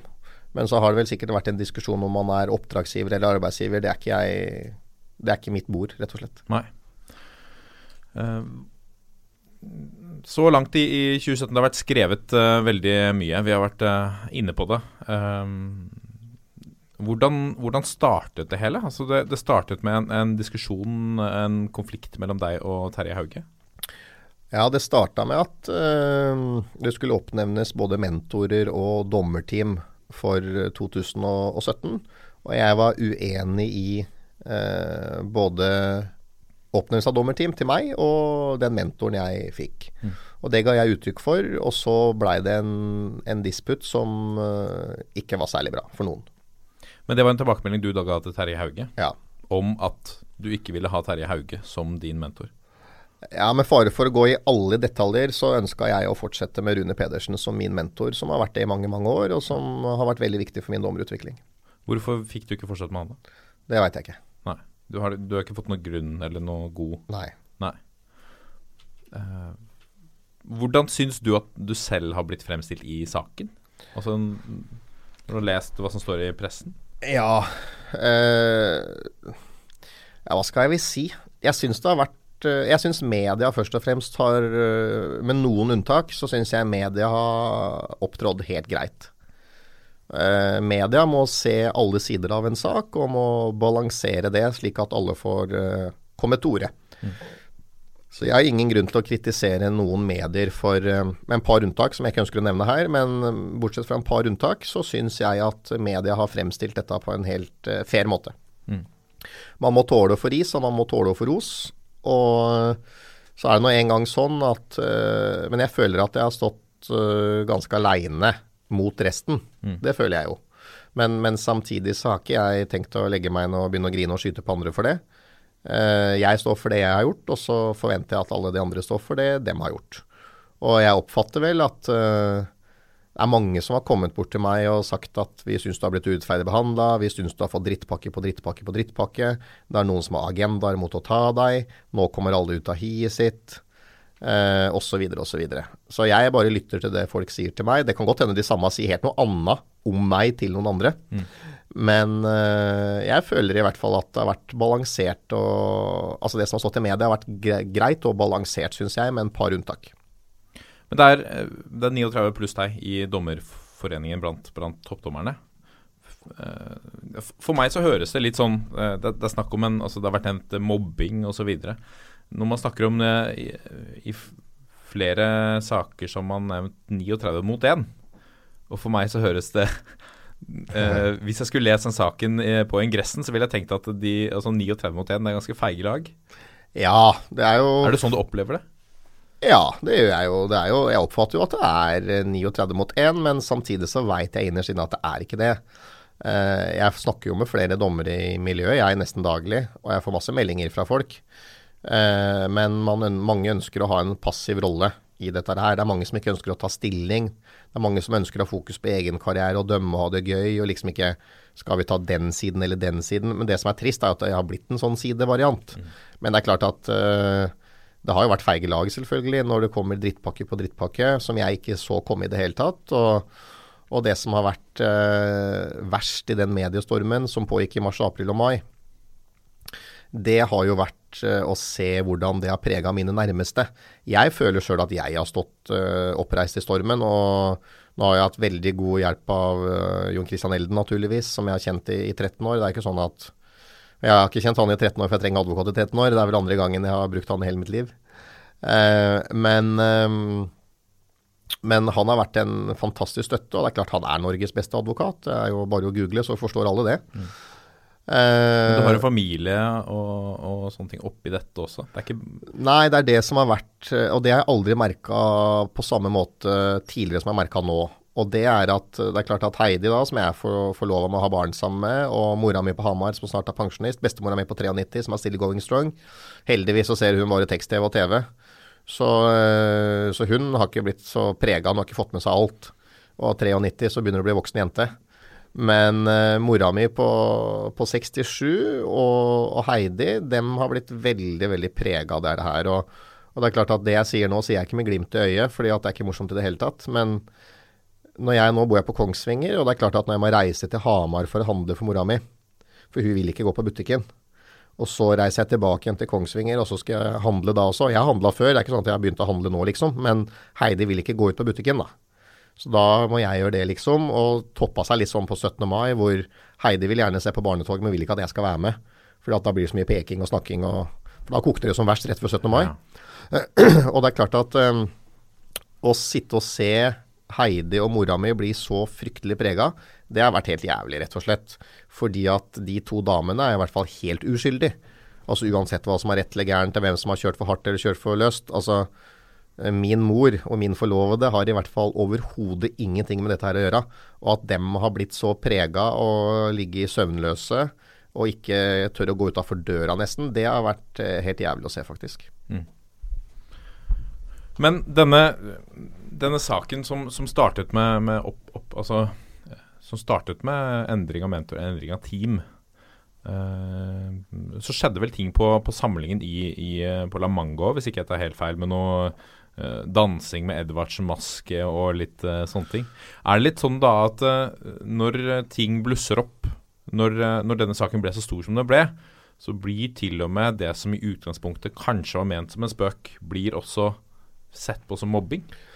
Ja, fordi at altså i hvert fall i de to høyeste rangerte dommerteamene, altså i teamet til Svein Oddvar Moen og i mitt team, har det vært en veldig røff sjargong. På WhatsApp, på meldinger, på Snapchat osv. Og det har det vært i mine team, og det har det vært i Svein Olvar Moen sin team. For jeg har jo vært en del av teamet til Moen hele tiden. Og det er klart at der har det vært en tøff og røff sjargong i de to høyest rangerte teamene. Hva legger, hva legger, du i det, da? Tøff og røff sjargong? Nei, fleipe med hverandre. Veldig ofte litt over grensa, egentlig. Mm. Men det har jo ikke vært noe mobbehensikter og trakasseringshensikter fra noen som har sendt de meldingene. Det er jeg helt sikker på. Men, Men du må være tøff, litt tøff i trynet for å være med i ja, det teamet? Du må jo nødvendigvis ikke det, men, men det er klart at, uh, at jeg har fått uh, meldinger som er langt verre enn uh, noen griner på TV for. Mm.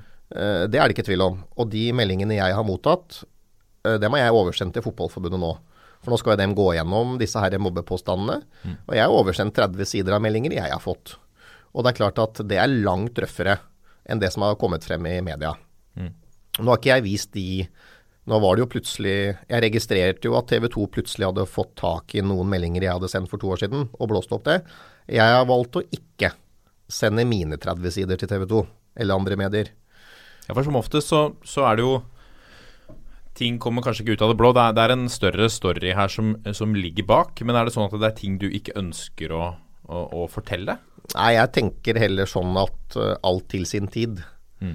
Uh, og uh, jeg har i hvert fall men, men, når det er sagt, det er klart at jeg har sendt meldinger, jeg, som har vært over kanten. Og at jeg må tone ned kommunikasjonsformen, det har jeg sagt flere ganger, og det har jeg beklagd. Så jeg har ikke noe trøbbel med å beklage måten mine meldinger har blitt oppfatta på av mottakeren. Det er jo alltid sånn at det er senderen av et budskap som har ansvaret for hvordan mottakeren oppfatter det. Mm. Men jeg har i hvert fall aldri sendt noen meldinger i ond hensikt med å mobbe noen eller trakassere noen. Men det er klart at når det kommer en to-tre meldinger blåst opp på alle forsider og ringa rundt med rødt, så ser jo det fryktelig stygt ut og dramatisk ut. Mm. Og Jeg sitter ikke og bagatelliserer det jeg nå, det må ikke oppfattes sånn. fordi at jeg beklager det jeg har sendt, og jeg beklager eh, måten det har blitt oppfatta på. Og det er mitt ansvar at mottaker oppfatter mine meldinger som så røffe. Mm. Og, jeg, og jeg prøver ikke å renvaske meg sjøl og unnskylde det jeg har gjort, ved å sende mine meldinger inn. Men poenget er at det har vært en røff og tøff sjargong i de høyeste rangerte dommerteamene, som kanskje har vært på, eller ikke kanskje, som har vært over grensen eh, flere ganger. Men jeg har oppfatta at alle har tatt det med et glimt i øyet, mm. og syns det har vært, ikke har vært gøy, men at man har ledd litt av det og trukket litt på alle, alle, har fått sitt, da, for ja. å si det sånn. Ja. Og så er det klart at øh, hvis det er noen som føler seg mobba eller trakassert av tekstmeldinger eller WhatsApp-grupper eller mailer, hva det måtte være, så har vi jo systemer for å ta opp sånne type ting. Altså hvis jeg hadde fått en melding eh, som jeg oppfatta som veldig sårende og stygg og langt over grensa, så har jeg tre alternativer. Enten å ta det opp med han som har sendt den meldinga. Det hadde jeg gjort. Garantert. Mm. Og så har jeg respekt for at alle er ikke skrudd sammen sånn. Noen hadde kanskje ikke turt å ta det opp med, direkte med vedkommende som avsender. Da er det to andre varianter. Enten å gå via Dommerforeningen og si at hør her, kjære fagforening slash interesseorganisasjon, jeg har fått denne meldingen fra en av våre kollegaer som jeg ikke syns er noe ålreit, kan dere hjelpe meg? Eller alternativ tre, gå til dommersjefen og si Terje, se her, nå har jeg fått en melding av en kollega som jeg ikke syns noe om, kan du hjelpe meg å ta opp dette her? Så liksom du har på en måte tre alternativer, enten å ta det opp med den det gjelder, gå via dommerforeningen, eller gå via dommersjefen. Og det jeg syns er spesielt i den saken som har kommet frem når det gjelder meg i 2015, nei, unnskyld, i 2017, er at det er meldinger fra 2015 som tas opp i 2017. Og det presenteres til meg via TV 2, NRK og VG.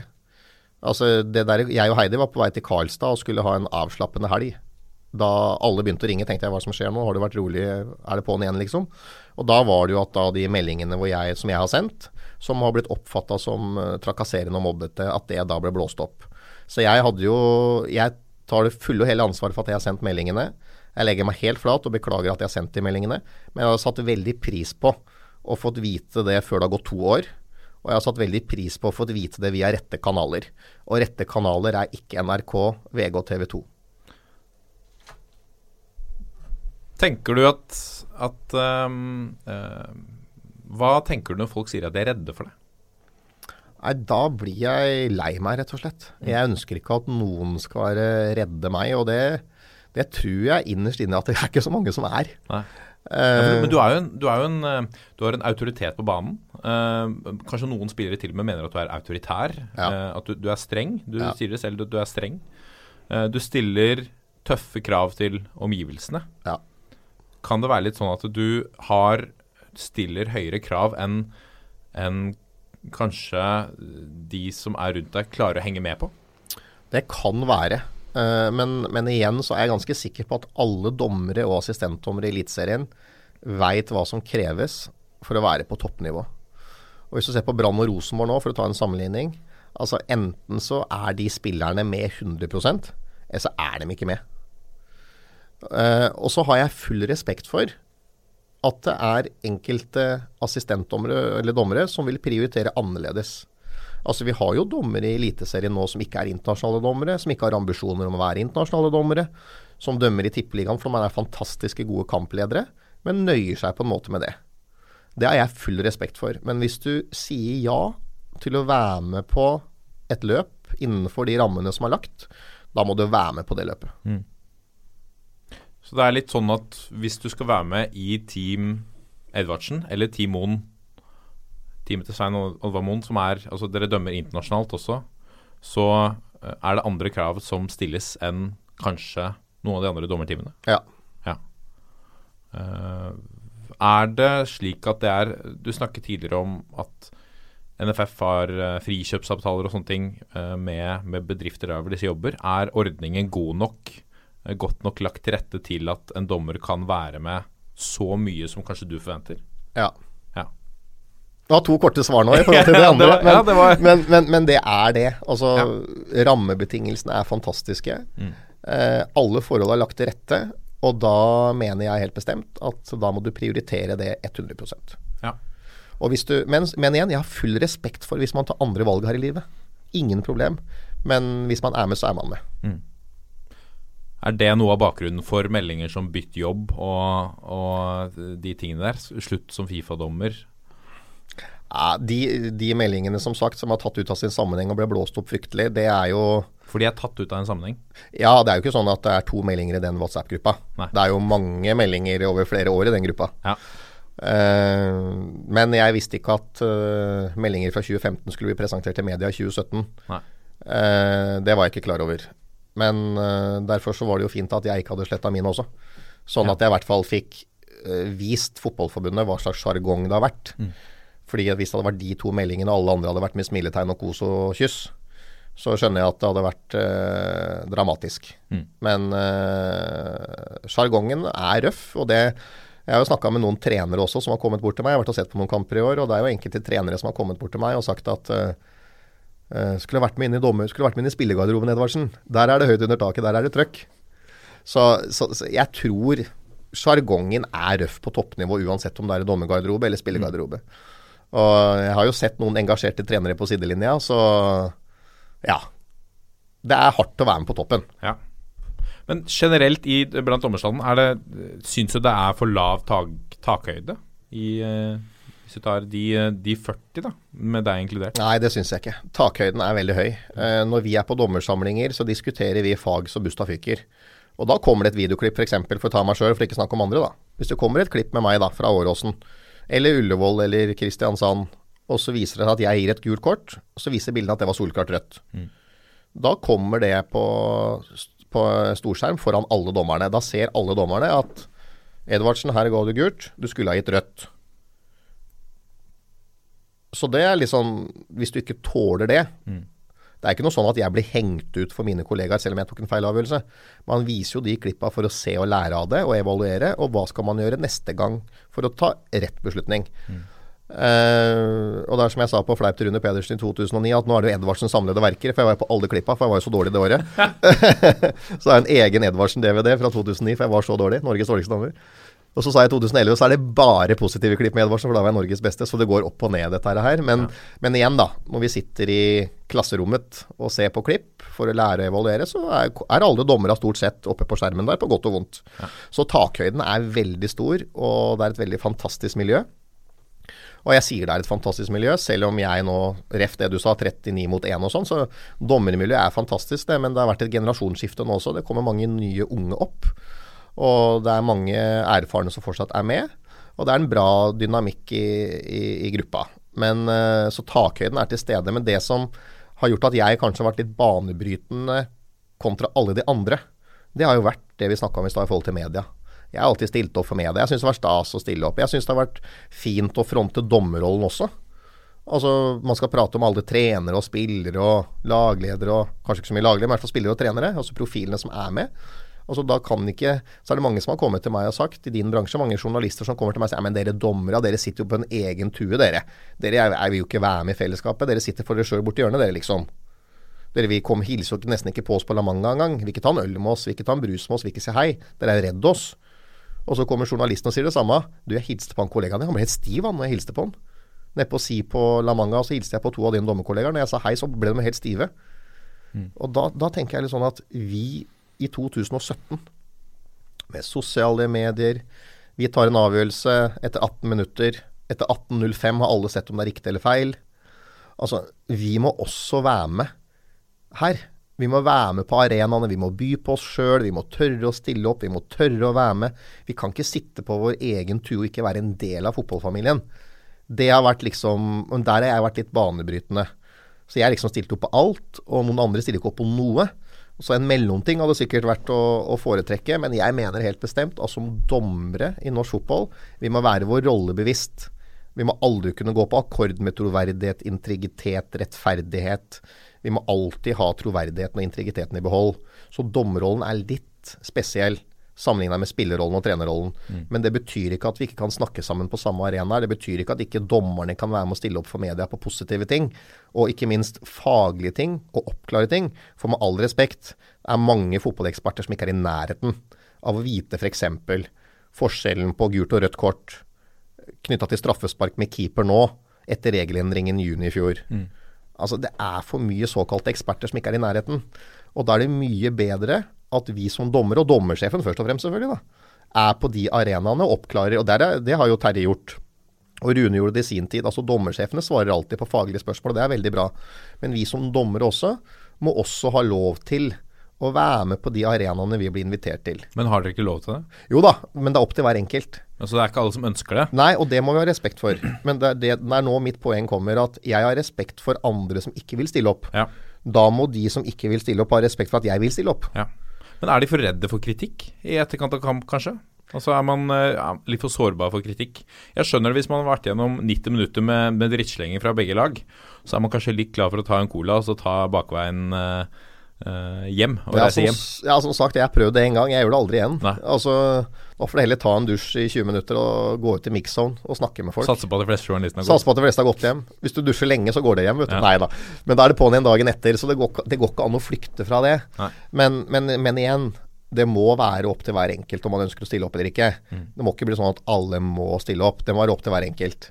Men jeg syns det er viktig å ha respekt for hverandre. Vi er forskjellige. Jeg er ingen A4-person. Eh, Det hadde vært kjedelig hvis alle hadde vært som meg. Det hadde vært jævla slitsomt sannsynligvis. Og det hadde vært veldig slitsomt hvis alle hadde vært grå mus også. Så jeg tror vi må bare leve med at vi er forskjellige. Og det er bare å se på lagene rundt omkring. Se på klubbene. Det er jo noen A4-personer der, og så er det noen som overhodet ikke er A4-personer. Hver klubber eller navn ikke nevnt, men det er jo bare å følge med. Noen er fargeklatte, liker å by på seg sjøl og er kule og får oppmerksomhet. Eh, andre er mer A4 og vil helst være en i mengden. Men eh, da må man ha respekt for at vi er forskjellige. Ja.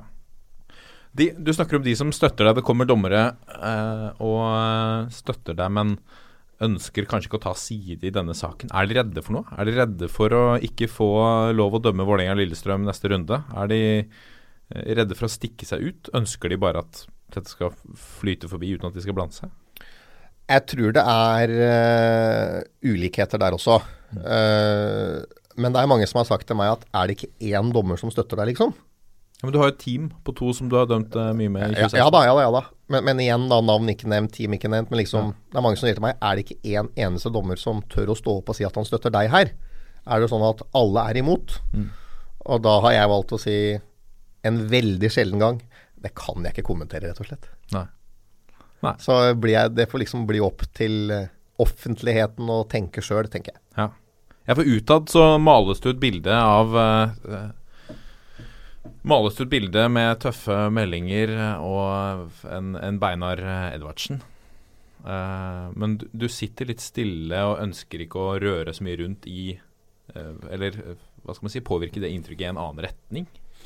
Nei, jeg tror at uh, det inntrykket du sa nå Jeg tror ikke alle i Norge har det. Nei. Innerst inne.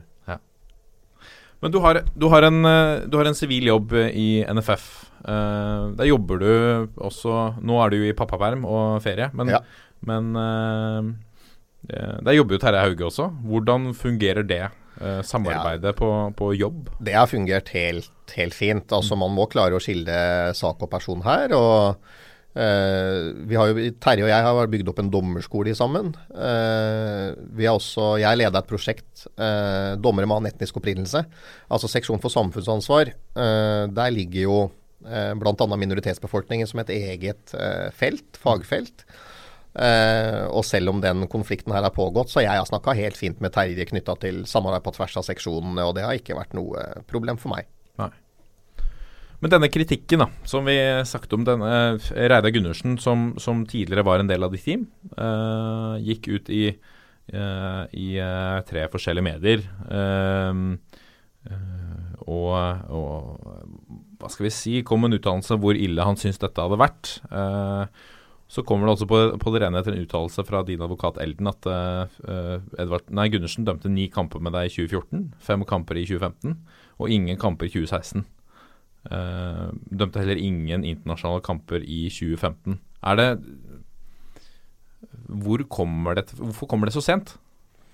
Nei, det skulle jeg gjerne ha visst, jeg også. Mm. Uh, og som jeg sa i stad, jeg må ta ansvaret for at jeg har sendt de meldingene. Uh, og jeg må ta ansvaret for at Gundersen har oppfatta det sånn han har gjort. Mm. Det er mitt ansvar, og det har jeg beklagd mange ganger, og det har jeg ikke noe trøbbel med å gjøre. Men som jeg sa i stad, jeg hadde håpa at uh, det hadde kommet for to år siden. Ja. Jeg hadde håpet det hadde kommet fra han, eller fra Dommerforeningen, eller fra NFF, og ikke eh, synkronisert fra NRK, VG og TV 2. For det er jo litt spesielt at det er én person som står i tre forskjellige medier eh, på, til tre forskjellige tidspunkter, var det vel eh, også, kanskje. Eh, og, og er på gråten over en sak som er to år gammel. Eh, ja. Igjen, jeg hadde håpa det skulle komme litt tidligere. Ja. Vi skal la den uh, ligge litt. Men hvordan, uh, hvordan er uh, dommerhverdagen nå? Jeg så et sitat av deg som, hvor du sa at du dømmer alle kamper gratis ut eh, 2017. Ja, ja, ja. Det gjør jeg. Og jeg har dømt Norgesmesterskapet for barnehageansatte på Ja. Fåberg. Jeg har dømt på treninga til Skeid. Og jeg la ut dommeroppsettet mitt her på sosiale medier for noen uker siden. Og det er ikke Jeg ble ikke dommerledig i, i 2017. Det renner inn med henvendelser og forespørsler. Jeg takka ja til å dømme Hessa Cup i Ålesund. Eh, jeg skal dømme Jenter 10 på Nybygda. Eh, jeg skal dømme på Tveter i Østfold. Eh, det er det jeg har sagt ja til nå foreløpig. Nå snakker vi da ut august bare, me- medio september. Og jeg har masse henvendelser fremover mot november, så jeg tror egentlig jeg kommer til å dømme mer i kamper enn noen gang har gjort i 2017, eller på et litt annet nivå. Men eh, eh, Og grunnen til at jeg gjør det, det er fordi at jeg har ambisjoner om å dømme igjen i 2018. Og uh, istedenfor å løpe på mølla fire ganger og dømme en kamp som jeg pleide å gjøre uh, nå, nå sier jeg feil. Jeg har tenkt å gjøre det samme som jeg har gjort før. Altså trene tre-fire ganger i løpet av uka og dømme en kamp. Og for det er noe med å komme seg ut på bana, få på seg dommerdrakta, blåse litt, peke litt. Lett og slett dømme. Sånn at man, eh, man glemmer jo ikke å sykle, selv om det har tatt et år siden du sykla sist. Ja. Og jeg kommer ikke til å glemme å dømme heller. Og vi har jo tilfeller hvor det har vært dommere som har vært skada, altså eliteseriedommere som har vært skada et helt år, og kommet tilbake igjen. Så, og Fotballforbundet har jo lovet at man skal legge til rette for arenaer for meg, sånn at det skal være mulig å komme tilbake igjen i 2018. Så jeg, som jeg sa til media tidligere, jeg regner jo med at de holder det man lover. Og skal jobbe for å komme tilbake igjen i 2018.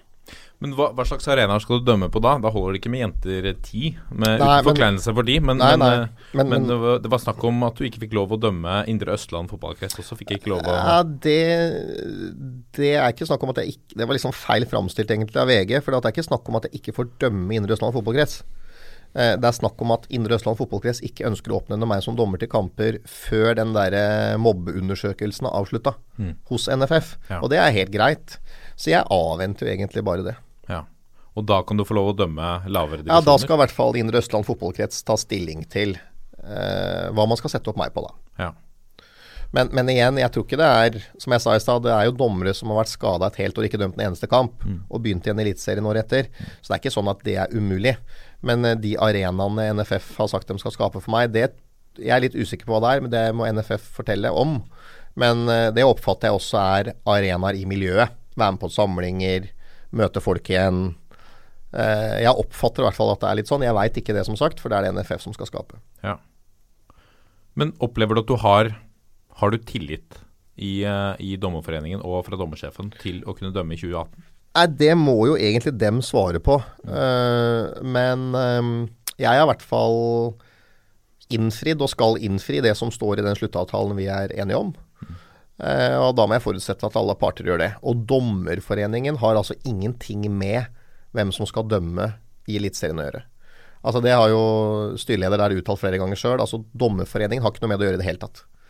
Dommerforeningen er en interesseorganisasjon for alle sine medlemmer, akkurat som NISO er for spillerne. Altså Det er ikke NISO som bestemmer hvem som skal spille på Rosenborg. Nei. Da tror jeg Kåre Ingebrigtsen blir forbanna hvis NISO begynner å blande seg inn i Hvis Joakim Valtin tar ut førsteelveren til neste Champions League-kvalik, det tror jeg ikke Kåre Ingebrigtsen finner seg i. Så det er ikke Dommerforeningen som skal bestemme hvem som skal dømme i Eliteserien 2018. Men det er dommersjefen. Det er dommersjefen og dommerkomiteen. Ja. Dommersjefen lager en innstilling til dommerkomiteen i Fotballforbundet. Så det er Fotballforbundet som bestemmer hvem som skal dømme i Eliteserien i 2018. Hva tenker du om at, domme, at, det er noen dommere som har gått ut og sagt at de ikke ønsker å dømme sammen med den? Nei, Det er veldig vanskelig å forholde seg til. Eh, Jeg bare så at TV 2 erfarte at det var ti stykker. Ja. Da tenkte jeg at det har vært 28 som vil. Ja. Så, nei, men, men liksom Ja. det, altså de anonyme drittpakkene, dem eh, forholder jeg meg ikke til, rett og slett. Nei. Altså TV 2 erfarer at det er ti dommere som ikke vil dømme deg. Ok, kan de stå Hva erfarer Edvardsen? Hæ? Hva erfarer Edvardsen? Nei, Edvardsen eh, erfarer at eh, det er mulighet til å komme tilbake igjen i 2018. Ja. Men er du helt sikker på at du står på banen i 2018? Nei. Nei. Jeg erfarer. Ja. Nei, nei. nei jeg er ikke, du kan jo ikke være sikker på noe som helst, Nei. men jeg skal oppfylle mine forpliktelser gjøre alt jeg for å komme tilbake igjen. Og Fotballforbundet har sagt de skal skape arenaer som eh, at det skal være mulig. Og da stoler jeg på det. Hvor står denne saken nå, da? Vi nevner denne uh, mobbesaken. Og disse Nei, så vidt jeg veit så pågår uh, under, Men nå er det jo ferietid. Men uh, jeg har sendt over det jeg har av dokumentasjon, og det har sikkert andre gjort. Og så avventer jeg bare respons, egentlig. Mm. Så er jeg forståelse for at det er fellesferie nå, selvfølgelig. Men jeg håper ikke det drar ut så lenge. Svein Erik Edvardsen, det har vært, uh, takk for at du kom i studio. Tusen takk for invitasjonen. Uh, det har vært veldig hyggelig å bli kjent med deg. I like måte. Uh, og så ønsker jeg lykke til med en hektisk dommerhøst. Absolutt. Og så, etter, etter hva Edvardsen erfarer, så blir vi å se deg på, på banen i Eliteserien 2018 også. Det er målet mitt, i hvert fall. Så må vi avslutte. Her må du bare henge med. Vi pleier å avslutte på følgende måte. På 1, 2, 3. Vi er en gjeng. Og så må du følge etter og si det samme.